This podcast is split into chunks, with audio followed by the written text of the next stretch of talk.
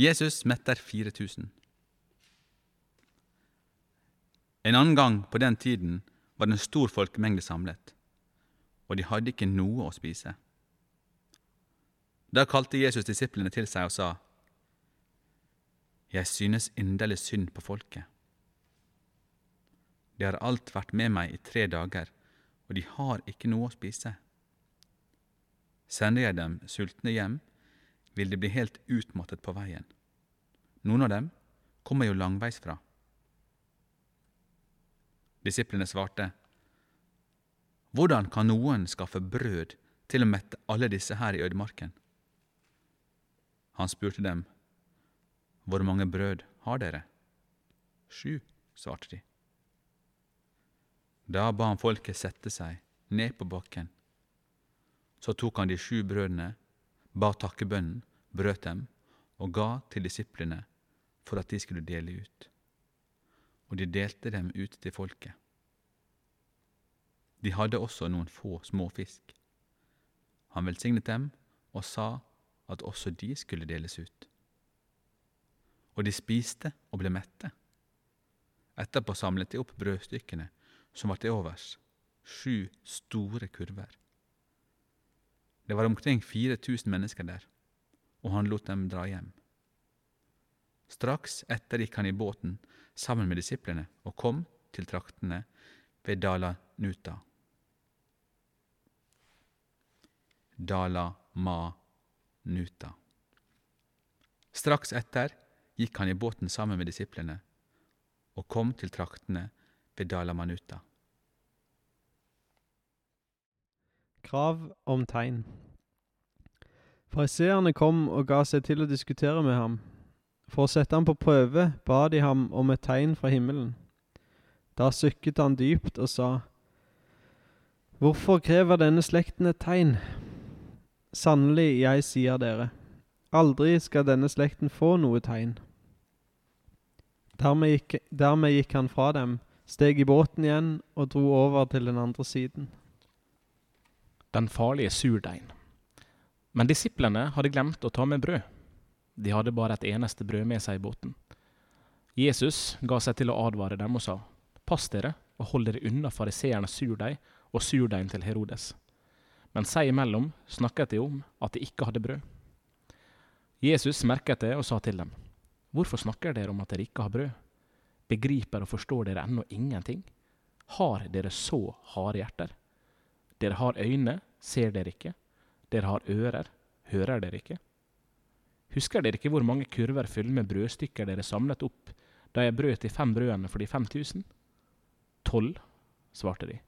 Og da jeg brøt de sju brødene for de fire tusen, hvor mange kurver fylte dere da med brødstykker? Sju, svarte de. Han sa til dem, forstår dere ennå ikke? Den blinde mannen i Betsaida. Så kom de til Betsaida. Der førte de en blind mann til Jesus og ba ham røre ved mannen. Han tok den blinde i hånden og ledet ham utenfor landsbyen, spyttet på øynene hans, la hendene på ham og spurte, Ser du noe? Han så opp og svarte, Jeg ser mennesker, for jeg skimter noe som ligner trær gå omkring. Så la Jesus hendene over øynene hans igjen. Da klarnet synet. Han var helbredet og kunne se alt tydelig. Og Jesus sendte ham hjem. Men gå ikke inn i landsbyen og si ikke dette til noen der, sa han. Peters bekjennelse. Jesus og disiplene dro ut til landsbyene ved Cesarea i Filippi. På veien spurte han disiplene, Hvem sier folk at jeg er? De svarte, Døperen Johannes, men noen sier Elia, og andre en av profetene. Og dere, spurte han, hvem sier dere at jeg er? Da svarte Peter, Du er Messias. Men han forbød dem strengt å snakke om ham til noen. Jesus taler om sin død og oppstandelse. Jesus begynte å lære dem. Menneskesønnen må lide mye og bli forkastet av de eldste, overprestene og de skriftlærde. Han skal bli slått i hjel, og tre dager etter skal han stå opp. Dette sa han i åpenhet. Da tok Peter ham til side og ga seg til å irettesette ham. Men Jesus snudde seg, så på disiplene og sa strengt til Peter, Vik bak meg, Satan, du har ikke tanke for det som Gud vil, bare for det som mennesker vil. Å følge etter Jesus. Så kalte han til seg både folket og disiplene sine og sa til dem:" Om noen vil følge etter meg, må han fornekte seg selv og ta sitt kors opp og følge meg. For den som vil berge sitt liv, skal miste det. Men den som mister sitt liv for min skyld og for evangeliets skyld, skal berge det. Hva gagner et menneske om det vinner hele verden, men taper sin sjel? Og hva kan et menneske gi som vederlag for sin sjel? For den som skammer seg over meg og mine ord i denne utro og syndige slekt, skal også menneskesønnen skamme seg over når han kommer i sin fars herlighet sammen med de hellige engler. Og han la til, sannelig, jeg sier dere,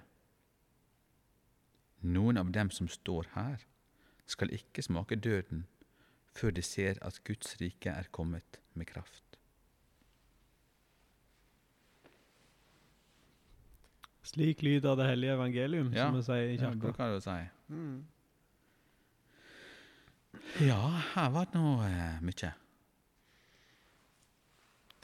Mye visdom fra Jesus. Ja, Ja, det er jo det. det er jo det. Han er god sånn. Men det er jo mange små eh, historier. Skal vi prøve å ta for oss eh, ei Ja. og ei, eh, gutta boys? Det kan vi. Den første fortellinga eh, minner oss jo om en annen fortelling vi har lest for ikke så lenge siden. Om når Jesus metta 5000. Og Mm. Nå tar han ikke helt så hardt i, så nå metter han fire. Men dietten er litt annerledes. Sist var det to fisker og fem brød. Jeg Ble alltid usikker på om det var det eller omvendt. Men jeg er jo ikke så god på detaljer, som kjent. Du er tilgitt Takk. hvis du tar feil. Alt er tilgitt. Ja. Ehm, men her så metter han 4000, og da har han sju brød. Og igjen, da spør han disiplene eh, hvor mange brød har dere, og så svarer de at de har sju. Og så gjør han likt som han gjorde sist. Han ber folket sette seg, og så bryter han brødet, og så ber han ei takkebønn. Og så blir det nok til disse 4000. Og så blir, samler de opp restene, og da blir det sju store kurver igjen. Og jeg vet ikke hva disse her, eh, tallene egentlig betyr, men veldig ofte i Bibelen så er det jo 3, 7 og 12 Mm. og 40. Det er jo sånne tall som ofte går igjen. Så sist gang så er det 12 kurver, og da tester han jo disiplene. Det er litt interessant. Ja, hvor mange korger var igjen sist gang? Mm. Og så husker de det, og så sier de nei, da var det tolv. Så det er ikke samme fortelling som er gjenfortalt på forskjellige måter. Det viser to forskjellige hendelser. Kan det se ut som? Ja, jeg lurte på akkurat det, da. Ja. For du tenker liksom, Bibelen er jo ei bok satt sammen av bøker. Mm. Og det har jo skjedd på et tidspunkt i historien vår at det har sittet masse folk, eh, sikkert da mest menn, og valgt hva skal være med av evangeliet, og hva skal på en måte bli Bibelen. Så kan du si at den prosessen sikkert kanskje Jesus eh, hadde en finger med i spillet og påvirka dem til at det skulle bli den boka som Gud ville det skulle bli. Det kan vi jo tro på. Mm. Men like fullt så var det jo mennesker som satt og gjorde jobben. Det blir jo av og til feil i powerpointen vår, liksom. og så tenker jeg liksom Hva da med um, Ja, kan det være samme historie? Og så kommer det liksom noen avsnitt lenger nede her at han henviser til begge disse to Mm. separate. Nei, OK, greit, ok. Og kanskje det er hele poenget. At han vil vise at dette var ikke noe jeg gjorde én gang, dette var noe jeg gjorde flere ganger, og jeg har et poeng. Og kan dere være så snille bare ta poenget, folkens? Mm. Han, Har ikke dere skjønt det ennå? han er jo litt der. Ja. Altså Her er det viktig for han å gjenta det, sånn at de skal forstå det. Men har de skjønt det? Har vi skjønt det? Nei, Vi drodla jo ved Jesus Jesus mette 5000 sist, og eh, nærmer oss iallfall en slags uh, større forståelse av den enn en vi kanskje hadde før vi, uh, før vi begynte på det. Og da snakker vi litt dette her om hjelp til sjølhjelp. ikke sant? At det du, du høster ved innsats, og du høster ved kunnskap. Det er liksom Mm. kunnskapsfaktoren ved det jeg sitter litt igjen med. Ja, jeg tenker jo også på dette at han viser at han kan eh, gjøre store ting. Og det gjør han unntaksvis. Um, og så er det noe med at når Gud deler av sin um, styrke Mm. Eller altså, når Gud er med, da. Når vi er gode mot hverandre, og vi ber om Guds velsignelse, så skjer det mer kanskje enn det vi har sett for oss. Mm. Kan det være noe der? Ja, den er fin, syns jeg. Den Hva er fin. presten sier, har godkjenning her fra eh, Han er fotnotene nå. Det, det er gode tanker, det. Jeg, det jeg sitter så eh, For det som er litt Det som på en måte ikke er så lett å få tak i i teksten her med en gang jeg leser det, men hvis en undersøker dette litt, så er det jo forskjellige folk òg. For at eh, i denne Jesus mette 5000-fortellinga så er han på den sida av Galileasjøen som der jødene holdt til. Så da er det 5000 jøder. Mens nå er det de såkalte hedningene. For da er han på østsida av Galileasjøen. Ja, er det oss, på en måte? Som er på en måte Så var det kalt sånn hedningeland, på en måte. Ja. Altså det, det, hedning er jo et sånt Det er jo et slags skjellsord, men Eller brukes som det i dag, men det betegner jo egentlig bare eh, de som ikke er jøder. Ja, så, så egentlig så er vi hedninger. Ja. Ja. Og jeg tenker Ja, det det er et slags poeng med at um, at det er to, to fortellinger. For jeg tenker det er ganske relevant for at Jesus eh, ene gangen så går han til jødene, og så gjør han et under. Eh, og så går han til, til hedningene og gjør et under, men begge plasser så understreker det, eh, understrekes her enorme medfølelsen Jesus hadde for folk. Mm. Eh, dette med Han fikk inderlig medfølelse med det står der i den første. Så nå står der eh, med litt andre ord, men det er jo det samme som understrekes. At medfølelsen er det samme selv om det er til forskjellige typer folk. Og Da kan vi måtte utvide dette bildet som dere har, med at ikke bare det at når vi bidrar med noe, så blir det nok, men òg når at det er ikke noen sånn form for gruppe som skal holdes utføre. At dette er et budskap til alle folk. Hva da med kvinner fra Fønika? Ja, med disse her eh, smulene og sånn. Ja. Hun skulle holdes utenfor, og så sa hun sjøl de helt, helt rette tinga. Og Mm. sa Jesus OK, siden du sa de helt rette tinga nå, greit, skal få. Det er litt utfordrende, syns jeg. Ja, jeg er enig i det. Nei, Jesus var hangry. Tror du det? Lenge siden han har vært. Og så lot han seg overtale. Sånn. Ja, men ja, ikke sånn, men hvor mange av oss har ikke vært i den situasjonen da vi skal ikke på en måte gjøre Jesus mer uskyldig enn han er, for han kan godt være bare er så kvass som han høres ut. Men hvor mange av oss har ikke vært i den situasjonen med unger, da? At vi spør kan jeg få øh, sjokolade, så sier du nei.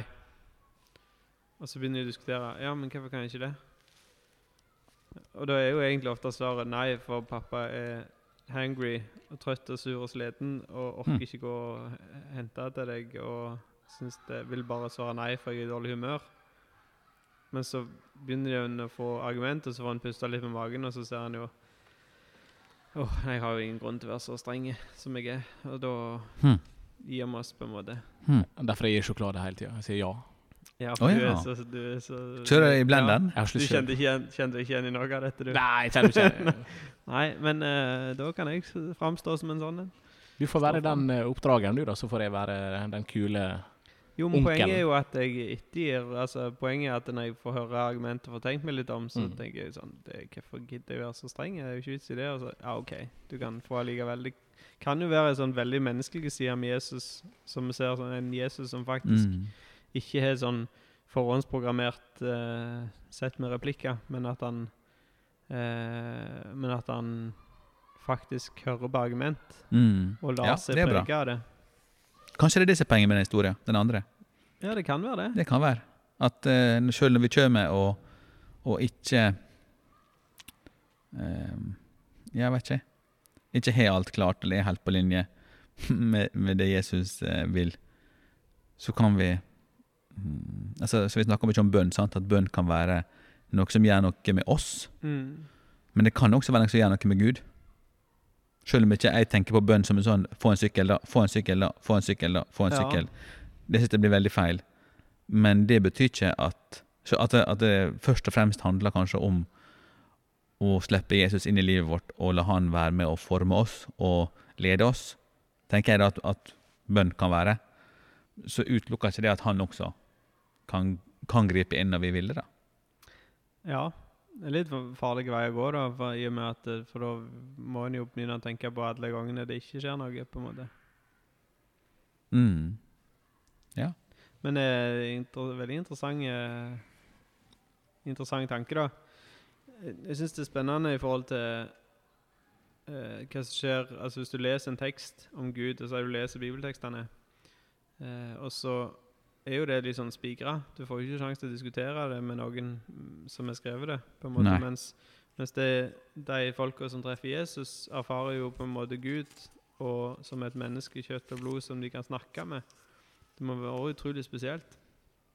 Men det fascinerende er jo hvis du går tilbake i Gammeltestamentet, så finner du jo eksempel på det samme. Eh, altså dette med med Sodoma og Gomorra, eksempel, der Gud sier at han skal utslette byen. Og så begynner Abraham å, å eh, diskutere med Gud. Han begynner å liksom eh, Jeg finner ikke helt ordet, men det heter at du begynner å prute. På en måte. Hvis jeg finner så og så mange rettferdige, vil du da ikke Mm. OK.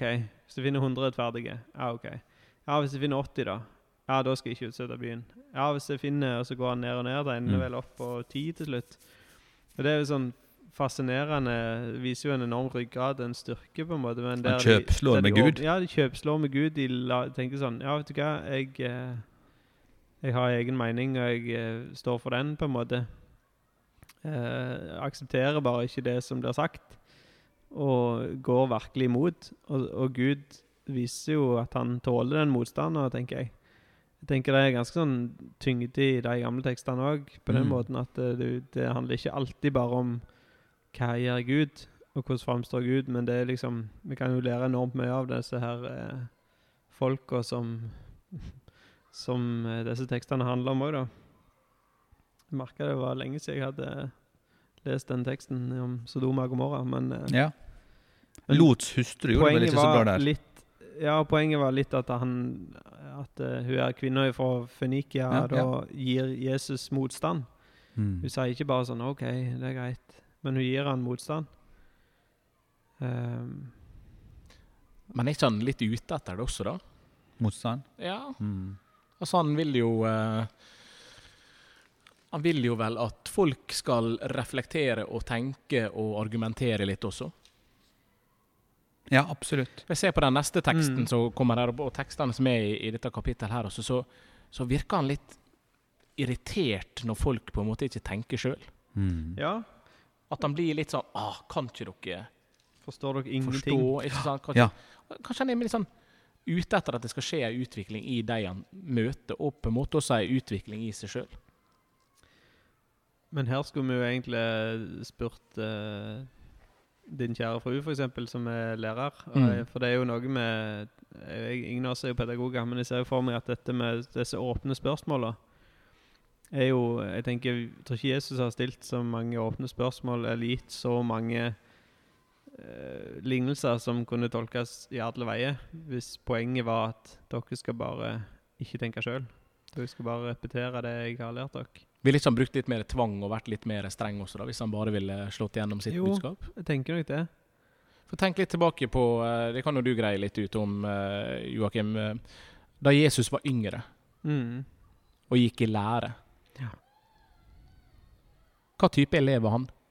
Ja, det er ekstremt interessant, det temaet der. For at hvis du eh, kan både ikke si at kristne tenker sånn, og kristendommen er sånn, men i kristendommen så er det jo lett Det er jo ofte fokus på på en måte hva, hva forteller presten i dag om teksten, på en måte, eller hva, hvordan tolker vi Bibelen sjøl.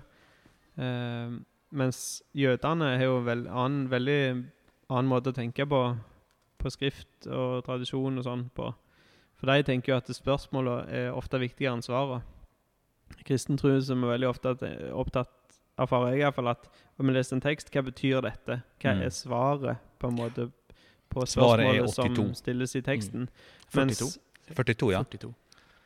Ah, ja, Men for, ja. poenget var at uh, de jødiske rabbinerne de har det jo sånn at de gir sin, nei, elevene sine en tekst, uh, og så samles de da på et tidspunkt.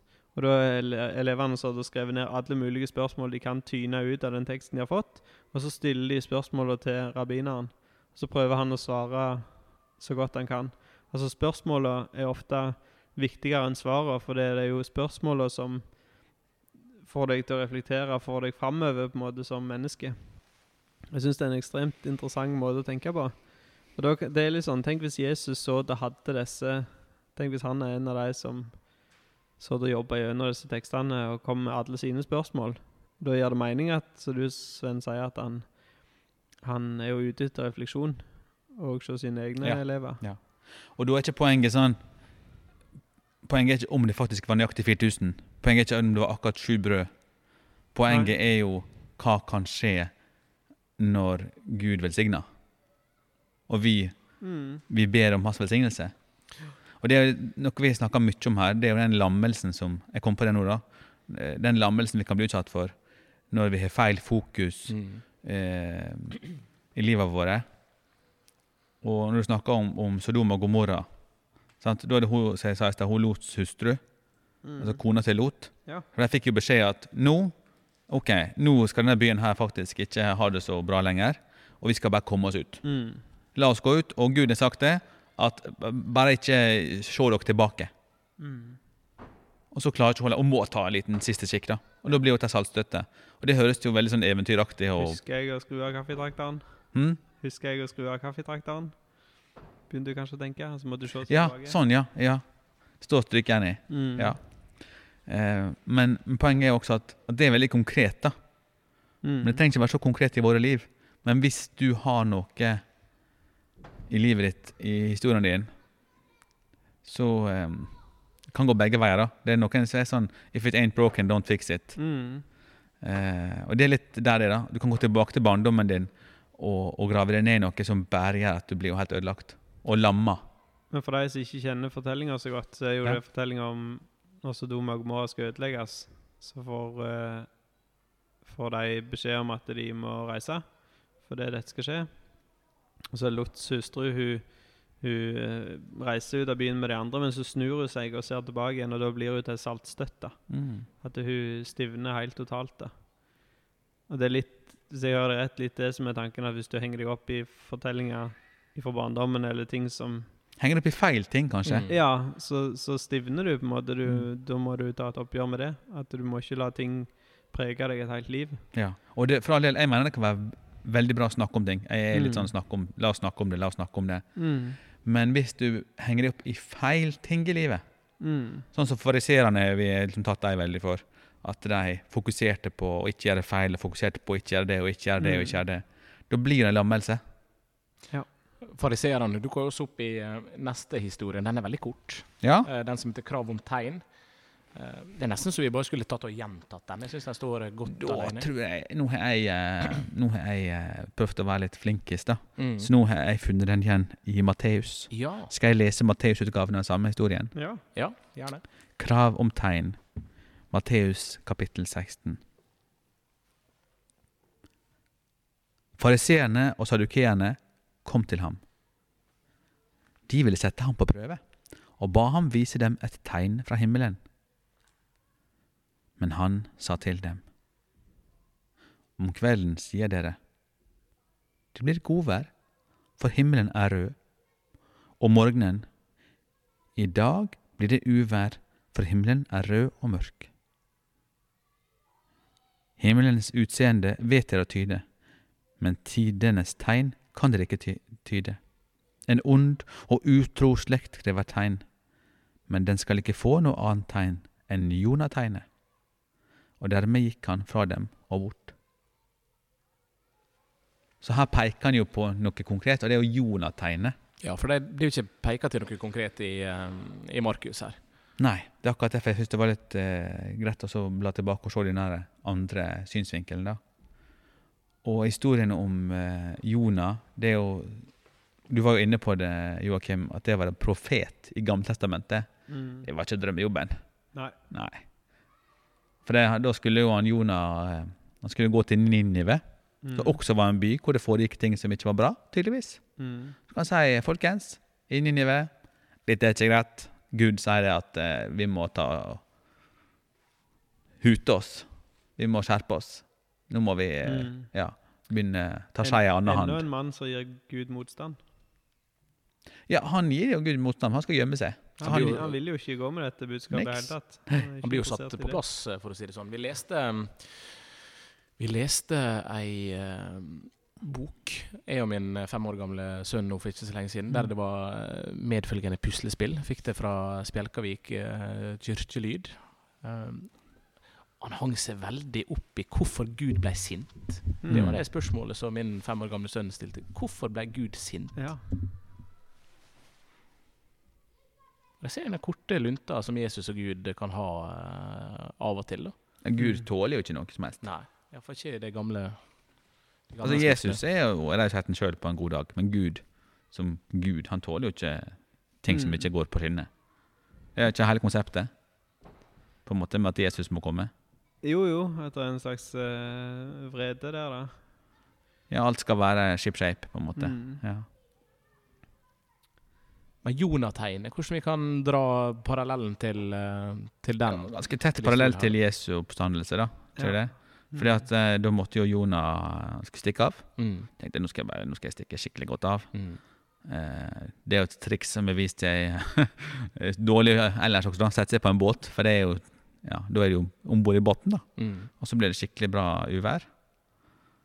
Og så eh, prøver de liksom å påkalle alle gudene de veit om disse her eh, andre på skipet. Og det funka jo ganske dårlig. Og så blir det bare helt forferdelig dårlig eh, dårlig stemning. Og så sier han at folkens, det er meg. Mm. Det, det, Gud ba meg om å gjøre noe, jeg vil ikke gjøre det. mm. Eh, så det er derfor eh, det er sånn uvær. Nei, nei, nei, kan ikke stemme. Og så kafter han noen lodd også. Tror de kafter lodd. Det er med Mm. sånn parallell sånn profeti. Mm. For de kafter lodd om klærne til Jesus også. Ja. Ja. Det er så interessant med sånne små paralleller som eh, når du liksom leser tekstene. Um, og uh, og når de kaster lodd og finner vel ut at jo da, det er Jonas som er årsaken her. Hva er det? Jo, nei, jeg, har rømt fra Gud. Mm. Ja, men hva er guden din? Hva skal vi gjøre, liksom? Nei, nå eh, får dere hive meg over bord. Nei, vi kan ikke. Jo, det må vi Mm. gjøre. Så hiver de over bord, og så bare ta-dam! Mm. Da blir det blikkstille og fint og nydelig.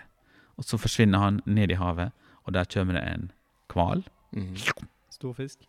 Nei, det er jo ikke fisk. Nei, det, det irriterer meg litt med den historien som vi har hjemme. Jeg vet ikke om du har den samme boka, eh, Joakim. Nei. Der begynner jeg å krangle med min fem år gamle sønn på at det, det, var, det var ikke en stor fisk. Nei, det er ikke fisk. Ja.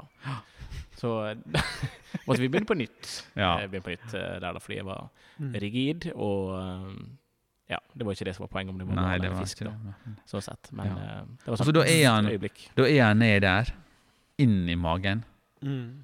i tre dager. Det det, da er det retreat, altså. Det er hardcore retreat. Ja. Stille retreat. ja, det er mørkt var det sikkert òg. Ja. Varmt, da, kanskje. Ja. Og så blir han spytta på land. Og det er jo som at Gud eh, sendte Jesus til jorda. Mm. Og han var jo sånn Ja, kan denne skåla gå meg forbi? Så aller helst Han er ikke så opptatt av seg. Nei, han er ikke så gira. Men han er ikke lyst, da, i ser Han ønsker å slippe.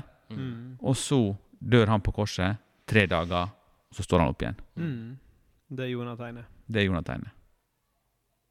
Ja, Veldig bra, fint da, ja. Fint eh, pedagogisk eh, lagt fram, Oddgeir. Jeg er imponert. Så ble jeg kort historie lang. Jeg lærte noe, jeg. Jeg tror det er sånn kristent arbeid blant blinde. Jeg hørte sånn kassett, vet du. Kapp, ja. Oh, ja. I mine barndom så var det jo kassettklubb. Barnas kassettklubb. Da kom Ja. det kassett i posten. Ja da. Så da satt du i baksetet av din foreldres bil på Jeps, norgesferie med en liten Walkman med en yep. Kassett i og hørte på. Gode bilder. Men vi kan jo spinne videre da, litt på det òg. Vi har jo snakket om Jesus stiller stormen før. Mm. For her er det jo storm ute på havet, og den, det er på en måte Guds vrede ved at eh, Eller det er min tolkning iallfall. At det er Guds vrede ved at Jonah ikke vil gjøre som han får beskjed om. Og så må på en måte den vreden stilles på en måte, og dermed så når Jonah havner i sjøen, så roer sjøen seg. Det er jo litt sånn eh, Litt den her tanken om at Gud er en som krever et offer, og det var Jesus, på en måte. Mm. Det er er på dypt vann no, Eh, no fun men- intended. Vi er jo det, men, men det, er jo, det er jo spørsmål som kan rokke med enormt uh, sterke ting. Dette er da store spørsmål, men det er jo litt sånn hva gudsbildet har med Er det sånn despot som krever et offer, og dermed måtte Jesus dø? Uh, i det som kalles for Jesus sin uh, stedfortredende død Mm. for oss alle. Uh, og det jeg har tenkt litt sånn, er liksom på samme måten som at eh, eh, når Jonah havner i sjøen, så stiller sjøen seg. På en måte, Så har jeg tenkt at når Jesus dør på korset, så skjer det en slags endring i Gud. har jeg tenkt. Det er kanskje litt enkelt å tenke. Mm. Men, jeg, men for meg er det, hjelper det å korrigere trua mi litt når jeg møter liksom sånn forkynnelse som er veldig på at eh, Norge har liksom vendt seg vekk fra Gud. Derfor skal Norge straffes. Mm. Sånn teologi har jeg ingen tro på. For jeg Nei. tenker at eh, Gud var godt fornøyd når Jesus døde på korset. Men det er ikke nødvendigvis et veldig sånn eh, medmenneskelig og fint gudsbilde. Har jeg jo andre bilder av Gud òg, som, som der han er mildere, og der han tåler hele meg, og han tåler mitt sinne, siden vi snakker om det. Mm. Jeg tenker hvis en Hvis Gud ikke skal tåle sinnet mitt og frustrasjonen min, hvem er det som skulle tåle det da? Mm. På en måte, men Så et gudsbilde er jo ikke bare én ting. Men, men for meg er det sånn tanke at han, det skjedde en slags endring i Gud når Jesus dør på korset. Eh, litt sånn passer godt, eller kanskje greit iallfall, i lag med Jonah-fortellinga. Jeg skjønner hva du mener, og jeg tenker jo at du kan si det på en annen måte. Si at det er en gud fra evighet av som ikke tåler det som du kaller synd. da. Mm. Som ikke tåler feilskjær, på en måte.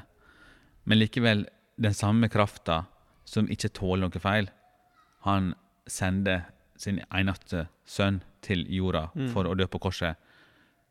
Så da skaper jo denne her eh, skikkelsen, som ikke tåler noe feil, han skaper jo en endring som gjør at han tåler feil.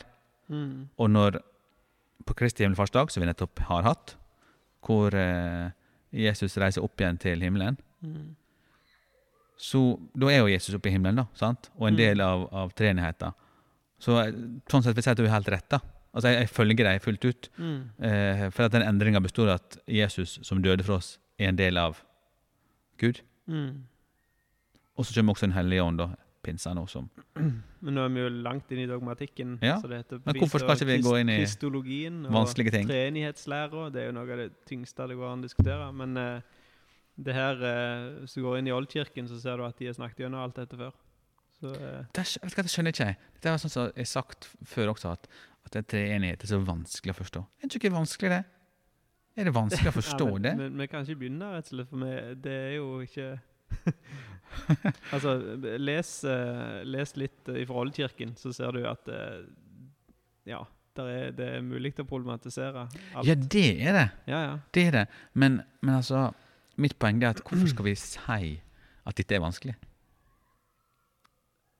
Nei, altså det er jo forskjell på å si at dette er vanskelig eh, når du begynner å snakke om det, Ja. enn å bare si at dette er vanskelig å For jeg, jeg, ikke, jeg tenker jo ikke mye over treenigheten. Jeg har bare akseptert at sånn er det.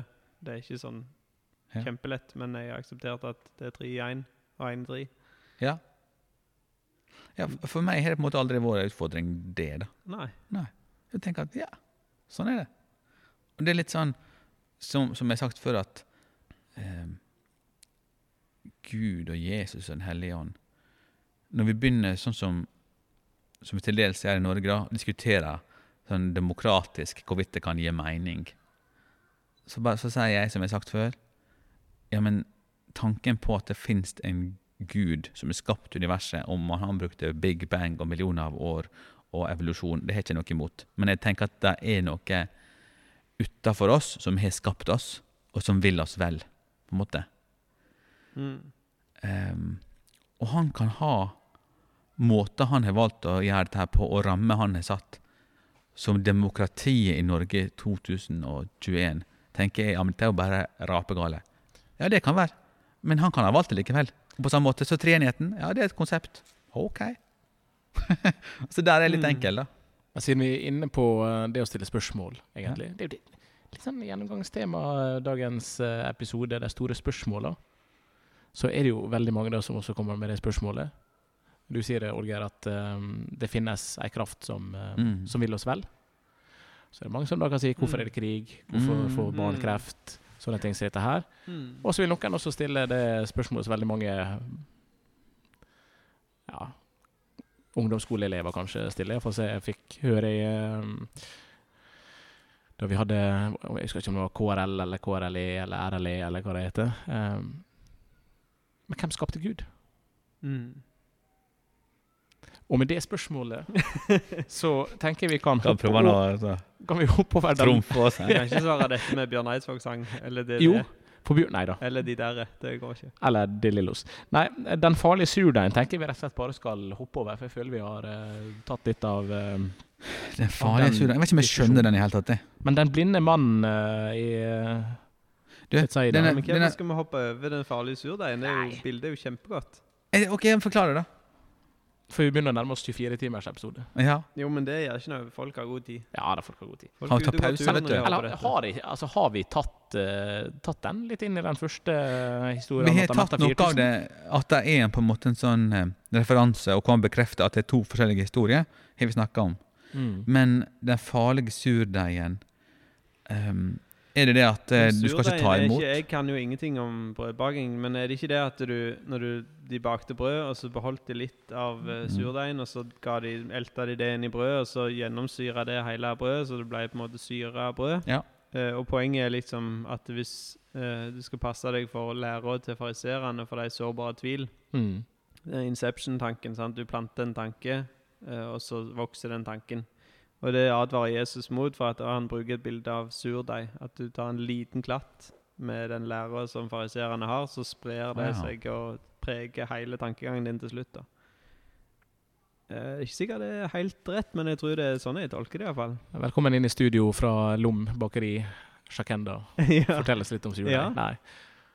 Nei? Men det hadde vært interessant å få en baker til å fortelle om dette. Eller Men jeg føler ikke at. Jesus følger det opp så veldig. For det Han viser jo til enda en Altså, i Matteus er vel dette mer utdypt, men eh, Ja, nettopp. Men han er litt streng igjen, i alle fall. Mm. Han stiller spørsmål, og han klandrer dem for ikke å ha nok kunnskap. Ja, og tillit. Ja. Ikke minst tillit til at ja, men folkens, forstår dere ennå ikke? Han er liksom en sånn sur fotballtrener på, i yngres avdeling som, eh, som er sånn Ko-ko! Forstår ikke du hvor du skal ta løypen? Det er litt sånn. Det interessante med det han sier, er jo at han, det er jo et sitat. Altså Der han sier når han er streng Dere har øyne, ser dere ikke. Dere har ører, hører dere ikke. Det viser tekstfotnotene, som vi ikke er nevnt før nå. Viser til Jeremia 5,21. Hør dette, du tåpelige folk og vettløse folk, som har øyne, men ikke ser, og ører, men ikke hører. Eh, og det er jo, Jeg syns det er interessant når, når folket krever tegn så sier Jesus du skal ikke få noe annet tegn enn det som står om i Gamle Testamentet. Og det er veldig beskrivende, syns jeg, med veldig mange tekster i Nye Testamentet, der vi kan stille masse spørsmål, spørsmål, spørsmål, spørsmål, og så kan vi istedenfor å gjøre det Vi skal jo gjøre det, men istedenfor å gjøre det, så kan vi sjekke fotnotene, og så kan vi vise Å ja, her er det et bilde du kan utbrodere. Liksom, I Gamle Testamentet så fins jo veldig mange av bildene som hjelper oss til å forstå, og fortellingene som hjelper oss til å forstå ting vi leser i Nye Testamentet. Eh, for vi har jo ikke noe kan jo kreve et tegn, eh, liksom be til Gud om å vise meg hva dette betyr. Men veldig ofte så er det ikke mange av oss i fall som erfarer jeg får en eller annen sånn Der, nå forstår jeg det helt, og sånn er det. Men hvis vi går tilbake, så er det jo på en måte samme veien som Jesus viser folka, er det jo vi òg må gå. Gå tilbake til de gamle tekstene og se hva er det egentlig Jesus spiller på når han sier ting. Og det er veldig ofte Gamletestamentet. Så du intervjuet med Kristiansund-keeper Sean McDermott? Ja, det gjorde jeg. Det syns jeg var- et veldig interessant intervju. ja, intervju. det var, Jeg tok skjermbilde av det, faktisk. Jeg gjorde det, ja. Mm. For Sean McDermott, eh, den norsk-irske um, keeperen som har vokst opp på Sørlandet, Kristiansand Det er så morsomt når han blir intervjua, for de begynner jo veldig ofte på engelsk. Ja. Han snakker norsk, sier han da. Ja. Og Sean McDermott han, eh, han var langt nede i det han kalte en kvalm og skrekkelig verden, var det vel. Så ble Jesus eh, redninga, og da var det sånn. Hm. Så kanskje vi kunne tatt oss en, eh, en prat. Jeg sjekka terminlista til Kristiansund. Jeg syns det har vært litt interessant å få med KBK-keeper Sean McDermott Absolutt. i en episode. Her det er piano. sitat fra NRK-saken på dette. her. KBK-keeperen har denne utradisjonelle reaksjonen på situasjonen etter matchen. For det som skjedde, var at han redda jo en straffe, og så viste det at han forlot jo streken lenge før han skulle. Så han brøt jo en regel. Og så sier han eh, for å være ærlig så fokuserer jeg 100% på Jesus. Det er det jeg gjør, sier McDermott til NRK. Du takket Gud for at du reddet? Ja. Og så forteller han jo òg sin versjon av det han gjorde galt, for han la jo ikke merke til at han forlot streken. Som er lett å gjøre. Vi kan jo dra det enda lenger. da. Jeg er jo ikke noen Liverpool-supporter. på noen måte. Det er jo ikke du heller, Svein. Nei, det stemmer. deg vet vi jo ingenting om, uh, sånn rønt fotballmessig. Men uh, Alison Becker Mm. er jo enda et eksempel på en enormt tydelig uh, keeper som uh, takker Gud for alt han gjør. Og, og jeg, jeg må si jeg gleder meg med Liverpool-fansen, så stort menneske viser jeg meg sjøl som, nå i helga når Alison Becker skårer går opp på corner og skårer 2-1-målet mot West Bromwich var det vel på i det 95. minutt. Mm. Det er stor idrett. Han, eh, han, Det er, det er sånne øyeblikk fotballfansen lever for. han blåste liv i uh, Liverpool sin drøm om å kvalifisere seg for neste års eh, Champions League, som Ja. er utrolig viktig. Mm. Og klart at det, ah, det er lett for meg som Manchester United-supporter, som har et um, mildt sagt um, anstrengt forhold til, uh, til Liverpool. Ja. Så er det lett å, å blåse i det og si ah, ah. Men jeg tenker hadde det vært Hadde det vært Dean Henderson, Manchester United-keeperen, Ja, ja. som har gjort noe sånt Det er sånn du må tenke. Hvis, episk. Eller hvis Andreas Lie hadde steget opp. Aiden Brown gjorde jo det mot Rosenborg, Ja, så vi kan jo relatere Uten litt. sammenligning for øvrig. Ja. Uh, nei da, jeg, jeg ser den. Jeg leste også en, eh, en interessant artikkel som var lenka til i den uh, Sean McDermott-saken, om at uh, Raheem Sterling, Mm. Manchester City-spiller, tidligere Chelsea-Liverpool-spiller eh, Daniel Sturridge, og Uh, en vi ikke forbinder kanskje med å takke Jesus, Wayne Rooney. Mm. Altså det er Skulle ikke han de- prest han? Wayne Rooney? Ja. Han hadde det som uh, karrierealternativ. Det Å, oh, ja. Mhm. For det er ikke en sånn type som du uh, umiddelbart forbinder med, med Jesus, da. Nei, du gjør ikke det. Wayne Rooney la jo ut en, en melding på Twitter eller Instagram hvor han hylla God TV. Men han fikk jo så mye tyn. Ja, og det er jo litt det som er på en måte Altså, det er jo bra at folk er kristelige og står fram som kristne, men Wayne Rooney har jo Det er jo ikke for de tammeste forkynnerne i verden han har vært innom og lytta mest til, da. Det er vel eh, Nei. Det er ganske Det er noe friskuset for USA, tror jeg, det aller meste. Ok, jeg vet ikke hva det står for. det. eh, apropos, ikke for å eh, at vi, vi kan aldri forlate fotballen og Bjørn Eidsvågs verden, eh, men eh, Nei. da vår kjære venn, som nå får statue i Kristiansund, Ole Gunnar Solskjær Da han debuterte for Manchester United i Premier League, Ja, den er fin. så så korsa han seg. Han gjorde det. Fordi han har sett at alle de store stjernene gjorde. Ja. Så jeg korsa Solskjær. Jeg tenkte sånn er det man gjør når man blir bytta inn i Premier League. Mm. Da korser man seg, Ja. tenkte Solskjær. Mm. Fint. Men han ante jo ikke hva det betydde. Nei da. Mente jo ingenting med det. Ah, nei, det er litt så noe fint ut. Ja. Det gjorde det jo. Ja, det var en digresjon. En herlig digresjon. Det, Mm. det vet du hva jeg tenker? Å korse seg, det er helt innafor. Ja, det er en fin ting, det. Når du korsa det sist, Torgeir? Jeg korsa meg når jeg går til nattvær. Mm. Iallfall. Og så gjør jeg det. Jeg må innrømme, jeg gjør det også på tøys av og til. da. Er det feil? Nei, er På det tøys. I hvilken sammenheng da? Er det sånn Åh, åh. Eh, oh, ja, sånn, Velkommen til podkast, Mr. Bean. Ja, ja sånn. Når ho. Å, er skattemeldingen kom, Og så korser du deg, liksom. Ja. Litt Som sånn. humoristisk eh, innslag. Ja. Men jeg gjør det i fullt overlegg. Ja, ja. Altså, dette synes jeg er helt vanskelig. Det er sånn som Vi hadde besøk av bisk biskopen her, sant? og hun gikk jo fram og sa 'Herregud, takk for den fine dagen'. Og hun, sant? Mm. Det er jo sånn I ørene våre så forbinder vi jo det med, sånn veldig med bannskap. Men sant? hun mente jo det.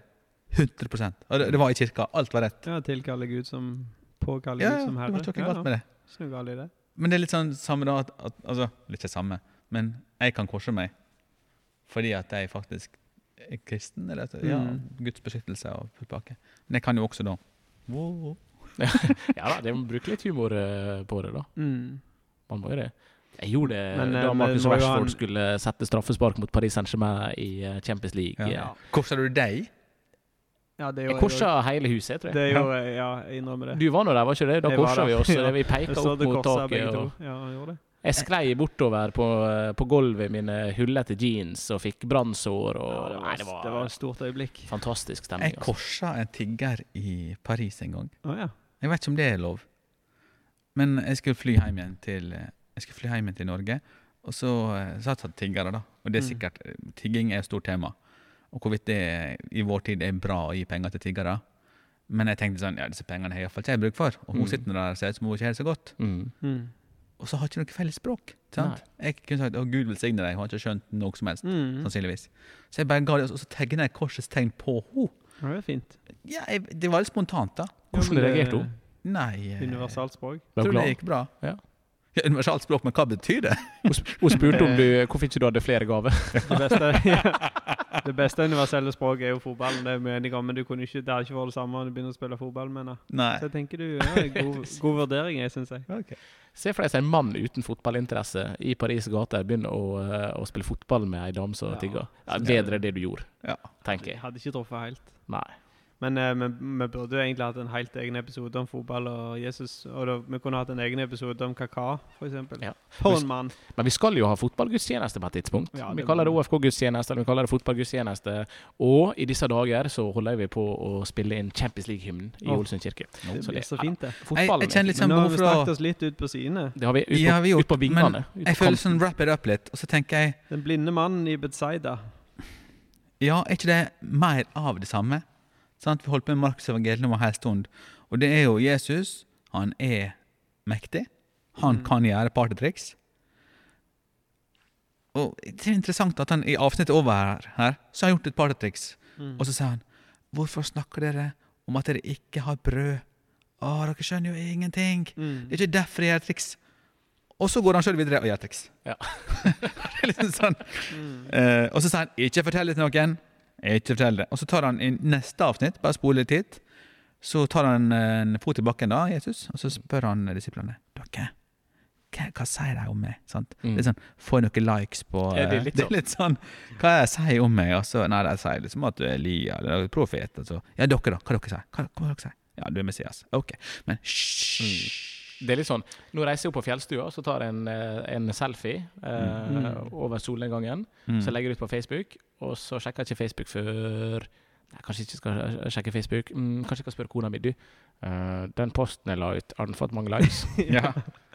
er det noen som trykte hjerte? Ja. Og jeg tenker det er, litt av, det er mye av det samme som vi har hatt til nå, da. Mm. Men jeg tenker det er litt sånn den her uh, uh, det, Den tematikken der når Jesus sier 'hysj', ikke si det til noen. Eh, og andre ganger så, så forteller jo videre likevel. Jeg tror det er litt sånn Jeg tror poenget til Jesus er at eh, han skulle ikke vise sin Altså Han skulle ikke på en måte frelse verden med partytriks Nei. eller sånn. Han skulle redde verden med å lide og dø og stå opp igjen, på en måte. Og jeg tenker det er litt sånn hvis poenget var at nå verden kan frelses, bare de får høre om meg Mm. eh, mens jeg går her disse tre åra. Eh, da hadde han jo bare kjørt på. Fortell alt du klarer. Men det var jo ikke poenget. Han skulle jo vise sin makt, men han skulle ikke, det var jo ikke sånn han skulle frelse verden. Det skulle han jo gjøre Nei. på korset. For det er litt sånn, du skal ikke Vi har kalt han en PR-ekspert. Mm. Det har vi gjort i tidligere episoder. Og så er det jo litt sånn Altså, min kjære fru bruker å si det er veldig godt med, med laksemiddag, men jeg kunne ikke spist det hver dag. Mm. Da, da forsvinner litt den der wow-effekten. Ja. Og jeg ser det litt sånn her også, da. Altså, jeg tenker at jeg gjør han ting, og så sier «Psj, du, ikke, ikke fortell det til noen. Så vet han at det blir fortalt det likevel. Mm. Men han, han dysser det litt.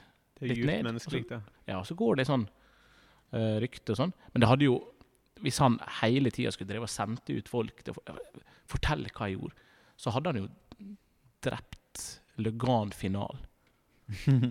Nå ble jeg Ja. veldig Ivar Morten Nordmark. Ja, men han gjør jo det òg. Altså, altså, I neste Jesus taler om sin døde oppstandelse. Mm. Sant? Der snakker han jo helt fritt. Menneskesønnen må lide mye og bli forkastet av de eldste overprestene og de skriftlærde. Han skal bli slått i hjel, og tre dager etter skal han stå opp. Han sier det sånn som det er. Ja, det er Ja da, det er jo fint. Oi, og sånn så sier Peter- På en måte. Da tok Peter ham til side og ga seg til å irettesette ham. Altså, det er Ja, men hallo, det hadde Nå Make Peter great again. Ok? Sant? Altså, hadde vi ikke gjort det hele gjengen Jo, oi, Si du har et menneske du har fulgt hver eneste dag i tre år, og så sier han sånn Vet du hva, neste uke så skal jeg eh, bli slått i hjel. Eh, jeg skal reise inn til byen, og så skal jeg bli slått i hjel. Og så har jeg sånn instinktivt har jeg tenkt sånn Du, ikke reise inn til byen. Mm. Ikke gjør det. Sant? Vi hadde jo åpenbart Ja. reagert helt likt. Ja, det er klart. Og så tolka vi det i lys av at han fikk rett. Ja. At dette Ja, ja. er mange år siden. Men hadde vi stått i den situasjonen sjøl, at Ja, vi hadde møtt en sånn. Messias-figur som, eh, som gjorde ting som vi ikke kunne klare å forklare, så tenker jeg vi hadde advart han. Fordi vi hadde trodd på at det, ok, dette her kan faktisk skje. Nå har du Mm. bevist såpass mye at det Og vi har lyst til å beskytte det. Men Samtidig så hadde man også tenkt det sånn Nå må ikke du miste bakkekontakten. Hmm. Det er litt der også. Ja, det er litt der òg. Ja. Men jeg tror nok vi må tolke det prospektivt, så dette var fint, og ikke Oi, retrospektivt. oi, Mm. oi, Det er gode, gode uttrykk som jeg lærte av Frank Aarebrot. Sant? Altså, retrospektivt det er å gå tilbake og så i lys av all kunnskap vi har i Mm. dag, dømme det nord og ned og tenke sånn Fytti Mm. for en idiot, Peter, hvorfor gjorde du sånn? Mm. Men hvis vi tenker prospektivt, så setter vi oss i hans posisjon og tenker Ja. sånn Hva visste Peter? Å, er Hva var han redd for? Mm. Sant? Dette er det, så Det er sånn vi må forstå historien, da. Ja, men i ytterste konsekvens så kan vi ikke sette oss inn i Fullt og helt? Nei. fullt og helt noe som helst. Jeg kan prøve å se for meg hvordan det er å være i Sven sine litt for store sko en dag. Ja. Ja. Eh, jeg tenker på disse skoene som du hadde første dagen. Det husker sant? du det? Som Ja. er for store. Ja. Men disse her er passelige. Disse er passelige. Det er jeg veldig glad for. Men altså, jeg kan prøve å sette meg Ja. Gratulerer. Takk. Ja, fine sko. Eh, jeg tenker at eh, Altså, jeg kan ikke sette han, han Joakim fine sko, for han har alltid fine sko. Det er Nei, ikke i dag, kanskje. Ja, det er iallfall spennende. Er Men er eh, nå mista jeg tråden. Altså Ja, nå mista jeg tråden. Men, Jo, jeg kan, meg, jeg kan sette meg inn i hvordan det er å være Joakim, Mm. men jeg vil aldri kunne gjøre det, egentlig. Jeg kan prøve. Og det er det samme her. Vi kan prøve å sette oss inn i hvordan Peter hadde det. Men altså, det er jo så mye støy og, og Insta-story og altså Livet vårt er så annerledes. mm, Ja, ja, ja. Og ressurstilgangen vår er så annerledes, og alt. Men Kom Jesus sier jo 'vik bak meg, motstander'. Ja. Eller sa- Satan, da. Som Satan betyr. Ja. Men hvordan hadde vi reagert hvis det kom altså, dette, er, dette er interessant, det har vi vært inne på også. Og da kommer man også til det spørsmålet, eh, som mange sier. Jesus har ikke kommet tilbake igjen. Og så vil noen argumentere. Vet aldri om han er blant oss i dag. Oi. Forrige gang så var han i eh, skikkelsen Oi, oi, oi. Til, mm. til det han var. Men hva med, hva med nå? Skal jeg fortelle deg om reagert? Jerusalem-syndromet? Vær så god. Det er altså et uh, syndrom som uh, Eller en slags uh, diagnose. Og det som skjer, er at eh, folk, eh, ofte pilegrimer, kommer til Jerusalem, og så blir de grepet av på måte, åndeligheten i den byen, og så klikker det på en måte for Mm. dem. Det er knips, og så går det inn i en slags psykose som gjør at du tror at du er en bibelsk karakter. Og da kan vi tippe hvem du ofte tror du er? Er Ja. Jesus en slags uh... Ja, Jesus er vinner, Messias. Det er ofte Messias, da, for det er jo den, det er Mm. Messias jødene venter på. ja. Så rundt i Jerusalem i gamlebyen så kan du se oppslag med folk som der det står skia på en måte, at det er, han er Messias, og han har fått seg en følgerskare. Som Jesus kommer igjen stadig, eh, stadig vekk, han. Eh, og du kan møte Moses, og du kan møte Aron og disse her bibelske figurene. Det er folk som bare tror at de er de, da. ja, nettopp. For det er poenget. For det det er en del av bakteppet, er at jødene venter jo fremdeles på en måte på, på Messias. Mm. og anerkjenner jo ikke Jesus som, som Messias. Eh, så der er det jo folk som framstår og sier at det er meg. Nå har jeg Mm. kommet. Nå må du gå, du, Sven. Du sniker deg ut. Ja, men Sven fikk en eh, Nattens mulm og mørke. Den vet du var ganske viktig. Mm, det tror jeg. Ja. Um, Men kanskje vi skal wrap it up, eh, Joakim? det kan være det. For jeg kjenner jeg er litt sulten. Ja, jeg òg alltid litt. Ja. Men da kan vi snakke om å følge etter Jesus neste gang.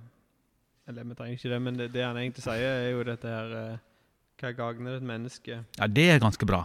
Du, det er ganske mye visdom. Om, da, for det Jesus Ja. sier eh, Om noen vil følge etter meg, må han fornekte seg selv og ta sitt kors opp og følge meg. Mm. Og det vanskelige her er jo at det, det, ta sitt kors opp, det henspiller jo på på dette med at det de som skulle henrettes, måtte bære tverrbjelken sjøl. Ja.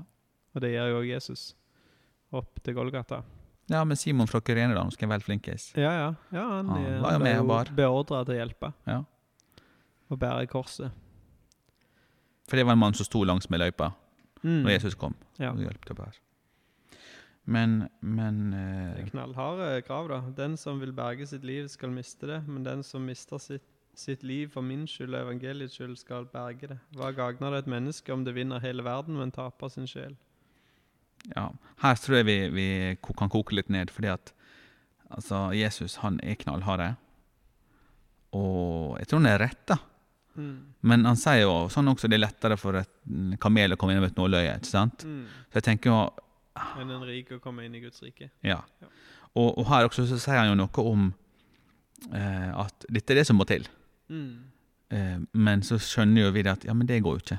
Jeg kan ikke begynne med noen korsfestelse og sånt. Det ikke, men, men altså, ok, greit nok. Men i fortsettelsen Hva gagner et menneske om det vinner hele verden, men taper sin sjel? Der tenker jeg er noe av det som vi kan forstå. Mm. Altså, hvis vi karer til oss all eiendom i hele verden, og kjøper oss alt, alt, alt Fine T-skjorter. Ja. Eh, altså Så det er problemet med materialisme, problemet med eiendeler, er ikke det i seg sjøl, men hvis vi taper vår sjel, Mm. da har du virkelig gjort det store. Det er, ikke, det er ikke noe grunnleggende problem med å ha mye penger. Men du må stille deg spørsmålet er det jeg som eier pengene, eller er det pengene som eier meg. Vet du hva jeg gjør da, eh, Joakim? Jeg har da under korona gått på en smell på plantasjen ved tre, fire, fem anledninger. Så jeg har veldig For å hindre at du blir rik. Nei, Ja, det kan du si. Men jeg har veldig mye blomster, da. Ja. eh, hjemme og planter. Det synes jeg er veldig kjekt, men det begynner å bli litt fullt. Ungene syns det er litt mye blomster på stua. ja. Og så um, eh, tenkte at jeg skal bare si at det er én ting. Det er blomstersamlinga mi. For da, da blir det ikke så mange. Jeg vet ikke om det var et godt grep. Hjelp meg litt da gjennom dagen. Det hjelper deg litt gjennom Ja. dagen, ja. Ja. Men poenget er vel at du ikke skal bli for opptatt av andre ting enn uh, Gud. Det er jo en slags spesifisering av uh, det her du skal elske Herren din Gud av hele din sjel og all din forstand, og din neste som deg sjøl. Det er Ja. de to store buda. Og jeg tenker jo det er såpass enkelt at du har eh, en andel fokus. Så Ja. kan du velge hva du bruker det på. Ja. Hvis du bruker det kun på verslige ting, eller kun på eiendeler og kun på penger, så er der, kan du ikke bruke fokuset på andre ting. Nei. Kanskje Mm. det var det mest vettuge. Ikke, ikke det jeg sa nå, men jeg, jeg vet ikke om vi klarer å utdype den teksten Nei, men så eh, mye mer når vi så og snakket en time. Jeg vet ikke hvor lenge vi har tatt opp nå. Å, lenge. Lenge, lenge, lenge. Lenge, lenge, lenge. lenge. Ikke så lenge. Klokka er bare halv tolv. Å ja. Fem og halv tolv, ja. Vet Veit det var 17. mai i går. Mye kake og god mat. Ja. Så i dag skal jeg prøve å, å ta det litt ned, da. Det er derfor jeg er så sulten, for jeg har ikke spist så mye i dag. Nå, må, nå kjenner jeg nå må jeg ha noe. ja, men det er kjempelurt å bare vente utrolig lenge, for da er det. Da er du enormt sulten du nå, du? Ja, litt. Han kom ikke igjen, han eh, lederen. Daglig lederen vår. Nei. Han måtte ut og lede. Måtte ut og lede. Skal vi ta litt sånn uh, frampeik? Ja. Disiplene får se Jesu herlighet. Det er sikkert gøy. Det er kapittel 9. Jesus helbreder en gutt med en ond ånd. Ja, ja, jeg var innom litt før da. Ikke gutter, men Jesus taler om, på ny om sin døde oppstandelse. Hvem er den største? Og for eller mot? Stå fast i fristelse. Det var noe mye her, da. Ja, det kan bli spennende, det. Oi, og etterpå det. det, En lang episode, det òg. eh, neste episode til det, Markus 10, ekteskap og skilsmisse. Oi, oi, oi. Jesus og barna. Jesus og den rike mannen. Okay, er her blir det- ting vi venter. Her blir det spennende ting. Spennende ting. Det? Oi, oi, oi, oi, oi. Det er Bibelen. Det er visst det blir vel en bok her. Jeg begynte med en fascinerende dokumentar i går, Ja, forresten. Som heter Koran by Heart. The Koran by Heart. Det handler om en en, en, en eh, sånn konkurranse i Egypt som bare folk hvert år, der uh, unger, eller ungdommer opp til 20 år, uh, er sånn, med sånn koranresiteringskonkurranse. Oh. Det fascinerende der er at de kan jo hele Koranen utenat, men de snakker ikke arabisk. Eh, At de kan hele Jeg skjønner ikke hva Koranen. de sjøl sier. Nei.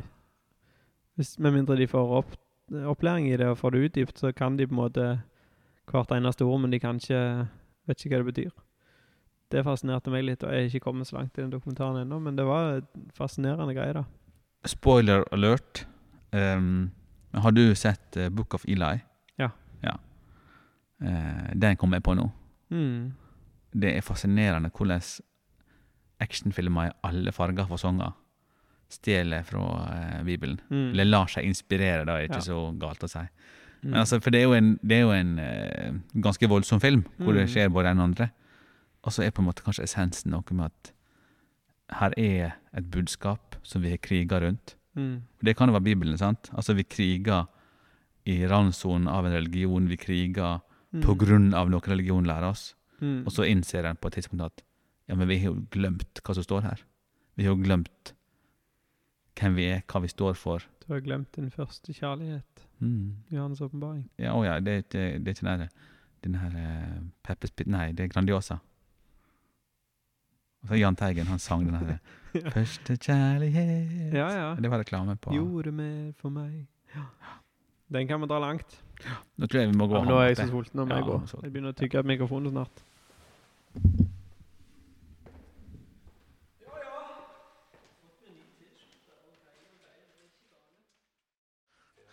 Kan eh, presten møte litt nærmere mikrofon? Det var presten møte litt nærmere enn eh, til mikrofon.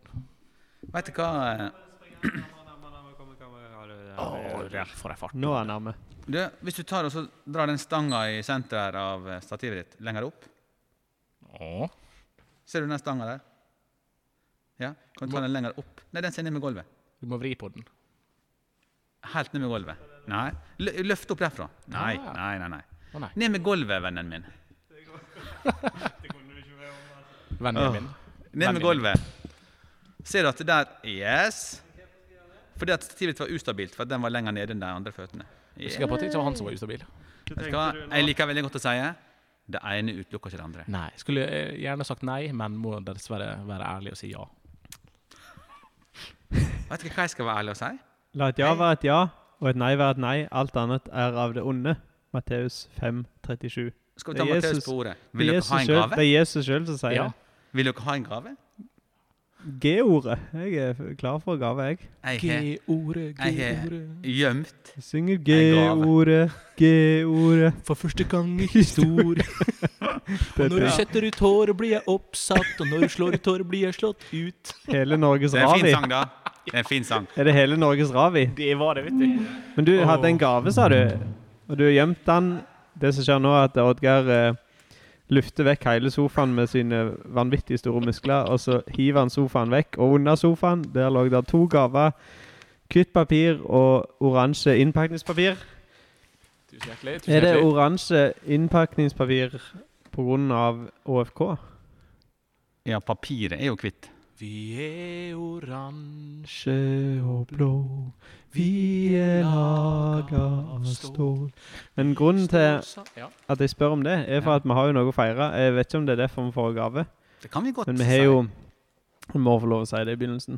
Eh, ikke for å ta vekk skjermen med denne gaven, for jeg gleder meg til å åpne den. Men vi må snakke litt om eh, Oskar og Nikolai, som debuterte for ÅFK nå i helga, i Obos-ligaen.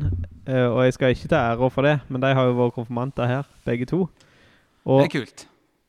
ja, jeg, jeg skal ikke ta noe ære for eh, det at vi Ikke mye av æren, iallfall.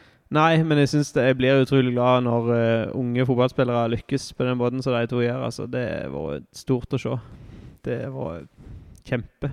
Godt feire deg. Så jeg har lyst til å innlede med det. Ja. Og jeg blir veldig glad når det lykkes for unge talent. 18 år gamle Oskar Sonerdal i en eh, treer på midten. Nikolai Hopland. Nå ble jeg nesten Bernt Hulsker, hørte dere det? Mm. Ja. Nesten litt der. Ja. Eh, 16 eh, år, altså blir 17 nå om noen måneder. Som, som en Rune Bratseth i ÅFKs eh, midtforsvar sammen med litt mer rutinerte Jonas Grønner. Ja, det, var, det var fint å se. Han spilte jo som en veteran. Ja, det var utrolig, det. utrolig, å se på. Det var, det var stor idrett. Klart at hadde ikke koronaen fantes, og det hadde vært flere tusen uh, mennesker inne på Color Line stadion Mm. eh, mot Bryne, da uh, undertegnede uh, annonserte at Nikolai Hopland skulle byttes ut mot slutten av kampen. Altså, det var jo bare støtteapparat og medspillere og eh, Mm. litt frivillige svar der, men det hørtes ut som tak skulle løfte seg. Hadde det vært flere tusen tilskuere der, jeg tippa unge Nikolai hadde hatt uh, frysninger på ryggen enda. Enda, ja. Kan jeg bare komme med en litt sprø spådom? Eh, bare for det er kjekt om det slår an om noen år. Dette er jo en framtidig ÅFK-kaptein. Ja, Mm. hvis han er Det i. ÅFK eh, Ja. Så når han ikke er blir solgt til kaptein. Italia eller England på et tidspunkt.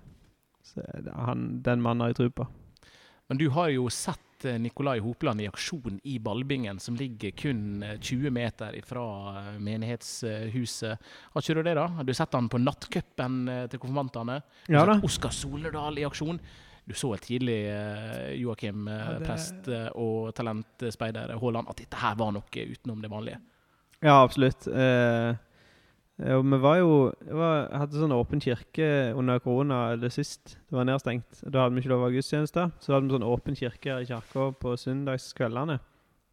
Og da var jeg eh, en tur borte i bingen og spilte fotball med noen tidligere konfirmanter. eh, I snipp og dress. Da hadde vi halvtime. Hadde eindabben, som det heter på rogalandsk. Mm. Vet ikke hva det heter her. In touch. Det var, ja, det var noe sånt, ja. Mm. Det var utrolig kjekt. Det finnes jo et stortalent eh, der du bor også, Oddgeir. Nå er ikke du så inne i fotballen, vi skal jo ikke, vi skal ikke drite det ut her på drøs og piano, men eh, hva heter tidligere Langvåg-spiller som bærer drakt nummer 19 for ÅFK nå? Nå nå ja. Her kan jeg jo såre ganske mange. Ja, du er jo en, jo en av Sulas store sønner, og det er jo vedkommende også. Nå skal vi teste fotballkunnskapene dine. Hva heter vedkommende? vet, det er veldig mange som har vært Som har kommet fra Langevåg eh, og til AFK. Vi har nettopp Sigurd Bø, som returnerte. Ja. Han har vært der nå i år. Og vi har jo vel eh, Har vi to Vetle som har vært der? Vetle Fiskestrand og eh, Vetle din Nossen. navnebror Vetle Nossen. Ja. Ja. Det er navnebror når det er samme etternavn? Ja, ikke du det, da? Ja, det er jo Du gjør Ja. det? Ja. Men hva heter da kantspilleren på E90 som, som er spådd en lysende framtid, fra, fra ja, Dette her er pinlig, men det, det toucher jeg, og uh... Isak Dybvik Mæte. veldig bra. Ja. Ja. Det, det, Han er god på sånn over bokstavene. han har det. Mæte. Det Det gror godt i eh, sunnmørsfotballen. Det er kjekt å se. Og så er det kjekt å se at Ålesund og Volstrand menighet kan ta på seg æren for Nikolai Hopland og Oskar Solendals eh, utvikling. Langvågen har jo vel uh, en landslagskeeper i fotball òg, når vi først skal Langevågen er mye bra fotball. eh. Unge frøken Fiskestrand. Ja. Mm. stemmer. Så her gror det godt. Men eh, det dette begynte med, var jo at jeg, for jeg hadde så stor behov for å anerkjenne disse to guttene. Men Ja. eh, vi skal åpne en pakke. Ja! Vi har fått pakke, og så var det sånn eh, oransje bånd på. Og da begynte jeg å tenke på FK. Har du vært eh, i Tangoshop og kjøpt? Nei. Er det fra Noso Troso? Det kan være. Det er, jeg vet hva jeg tipper det. Det er T-skjorte med sitat som vi har eh, hatt her, og så ligger det en liten faktura. ja. Nei, men han sender ikke han, det- han, han, han, sender det, han sender det i oppgave i Vips. Ja. Nei, da heter ikke det gave. True story. Men eh, det er fra Noso Troso, tror jeg. Begynn med din, da, Joakim. Nei, bare begynner du? Ja. Jeg tror ikke Oi. Oi. Ja. Er, er det ei T-skjorte? ja, se her, da, vet du. Denne, denne vil jeg betale for. Det skal du ikke Selv om det var en gave. Men uh, det er sånn blå T-skjorte, uh, door opener dude. Vi snakka litt om det i, for, i, for, i forrige episode. Min brokete fortid. Uh, Hold den opp, så skal jeg ta, ta bilde av den. Legge ut uh, blodfansen. Skal vi se. Ja, veldig bra. Det er jo helt fantastisk. Helt. Tusen takk til uh, Maria, og, uh, som gifta seg da. Ja. I det bryllupet der det var door opener dude. Ja. Veldig bra. Uh, og takk også til mine fans i uh, Kina. Sør-Korea. Kina, Si- Kina, ja. Det er så mye, vet du. Taiwan. Jeg er ikke fans i Altså, Sør-Korea. lite veit de der borte Ja. Ja. på hva de satte i gang. ja. ja. Ja. Utrolig, også. Jeg, Altså, er verden er ikke, liten. jeg er ikke fans i Sør-Korea. Som du veit om. Men nå kan du faktisk, eh, nå når Oddgeir er som firma som driver og trykker eh, bokstaver på klær, så kan du jo få sånn uh, bukser som du hadde på den aktuelle dagen. Joggebukser med door opener dude på òg, hvis du vil. På rumpa? Ja, Ja. for eksempel. Det går an. Vet du forresten Oddgeir, hva nosotros betyr? Det betyr vel vi? Oss. Oss? Vi Ja. eller oss. ja. er Så mange fint. bokstaver for Ja, det har jeg så òg tenkt på. Ja, ja. Og så er det oss i det òg, vet du. Jeg ser jo mye spansk fotball, og i intervjusonen så sier de jo mye Ah, nosotros. ja. Sant? Og jeg lurer på hvorfor sier de så lange Ja, jeg har tenkt på det samme.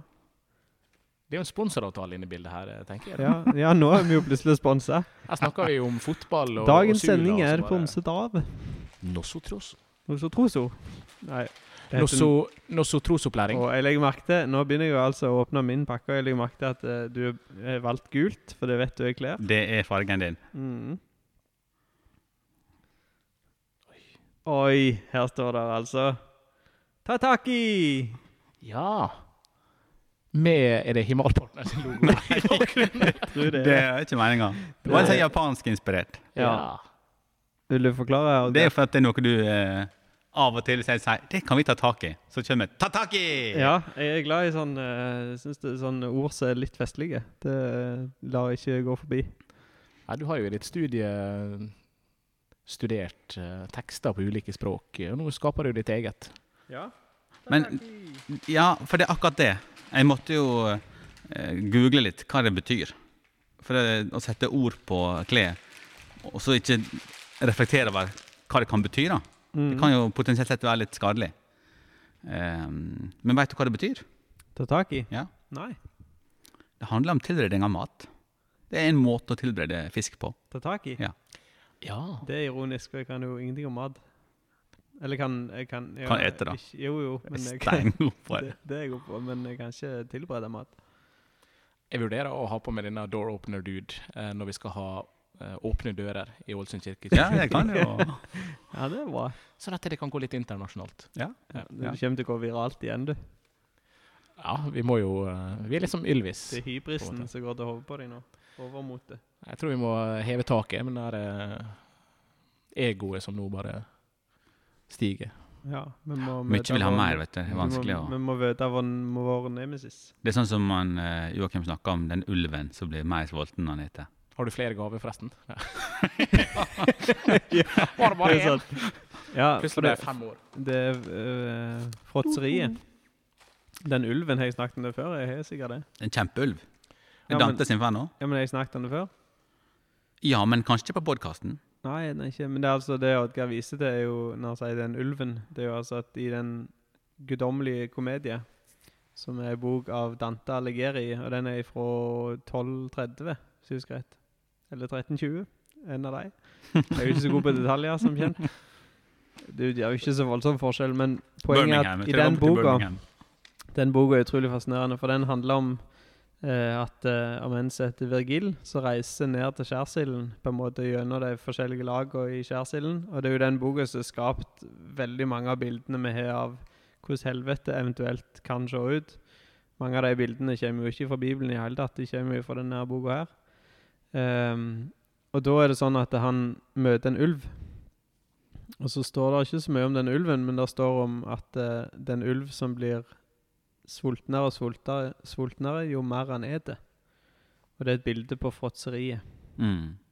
Havesyken er det vel egentlig han skriver, da. Altså mye vil ha mer, egentlig. Det personifiserer han på en måte med en ulv som blir sultnere jo mer han eter. Og det Mm. syns jeg er et utrolig godt bilde. Det er jo skrekkelig bilde. Det er det. Jo, men det er godt. Klart det er godt. Det er talende. Så det er derfor du Sven spør Har du en gave til? Mm. Ja, kanskje det er sånn urinstinkt i femåringer. Så en, ehm, min fem år gamle sønn, da, så da var fire eh, Til jul så fikk han jo mange gaver, men eh, han vil ha mer, da. Mm. Han vil ha mer. Gråt litt. Har du ikke flere? Etter eh, pakka opp et Dette-. Dette er jo igjen relevant i et sånt stort En av de stor, virkelig store filosofiske spørsmål i fotballen. Hvis du skåret hat trick, og så skårer du et mål til, mister du da hat tricken? Ja. Jeg tenker, jeg mener mest det er umoralsk av en spiss å skåre et mål til når du skårer et hat trick. Da bør du egentlig gå av, tenker jeg. Og så har du disse som For det er jo havesyke. Hva med de som skårer Det er greit med tre mål, kan gå av, da. uekte hat trick, da? Og så er de sur fordi det ikke var uekte ekte. et Ja, uekte? At ikke Ja, det er sammenhengende. Ja. Mm. Du skårer da en spiss to mål, og så er det en medspiller som er så uheldig at han skårer. Mm. Og så skårer den spissen igjen, og det er et uekte hat trick. Og klarer ikke å glede seg over at det ikke var et ekte Er ikke dette et luksusproblem? Ja. Altså, jeg tenker jo. på hvis det er 3-3, og det ene laget da har fått hat trick på en av spillerne. Så hvis han da kan bidra til 4-3, så er vel det det aller beste. Kan ikke gå av banen. Jo da, jo da, og det viser jo at dette er jo det som gjør den enorme tyngden i dette spørsmålet, og det som gjør det så vanskelig, for det finnes jo alltid flere sider, og ting er ikke svart-hvitt, Sånn er det i livet. Sånn det sånn det- livet. Du må jo snart innse det. Du er jo snart 40. Ja, jeg er snart 40. Du må snart innse det. Jeg er 40 før du er 40. Er det sånn. Det er en viss logikk i. Ja. Det håper jeg Det faktisk. sant. Det er sant. Det er en stund til ennå, da. Ja, det er Ja. lenge til. Slik er det. Vi sitter med, med Markusevangeliet foran oss, og så diskuterte vi det litt på slutten av eh, forrige episode. og Jeg tror vi slo det fast da. Dette er et, eh, et langt kapittel. Ja, det er fast. Det var nesten litt sånn Max Mekker her.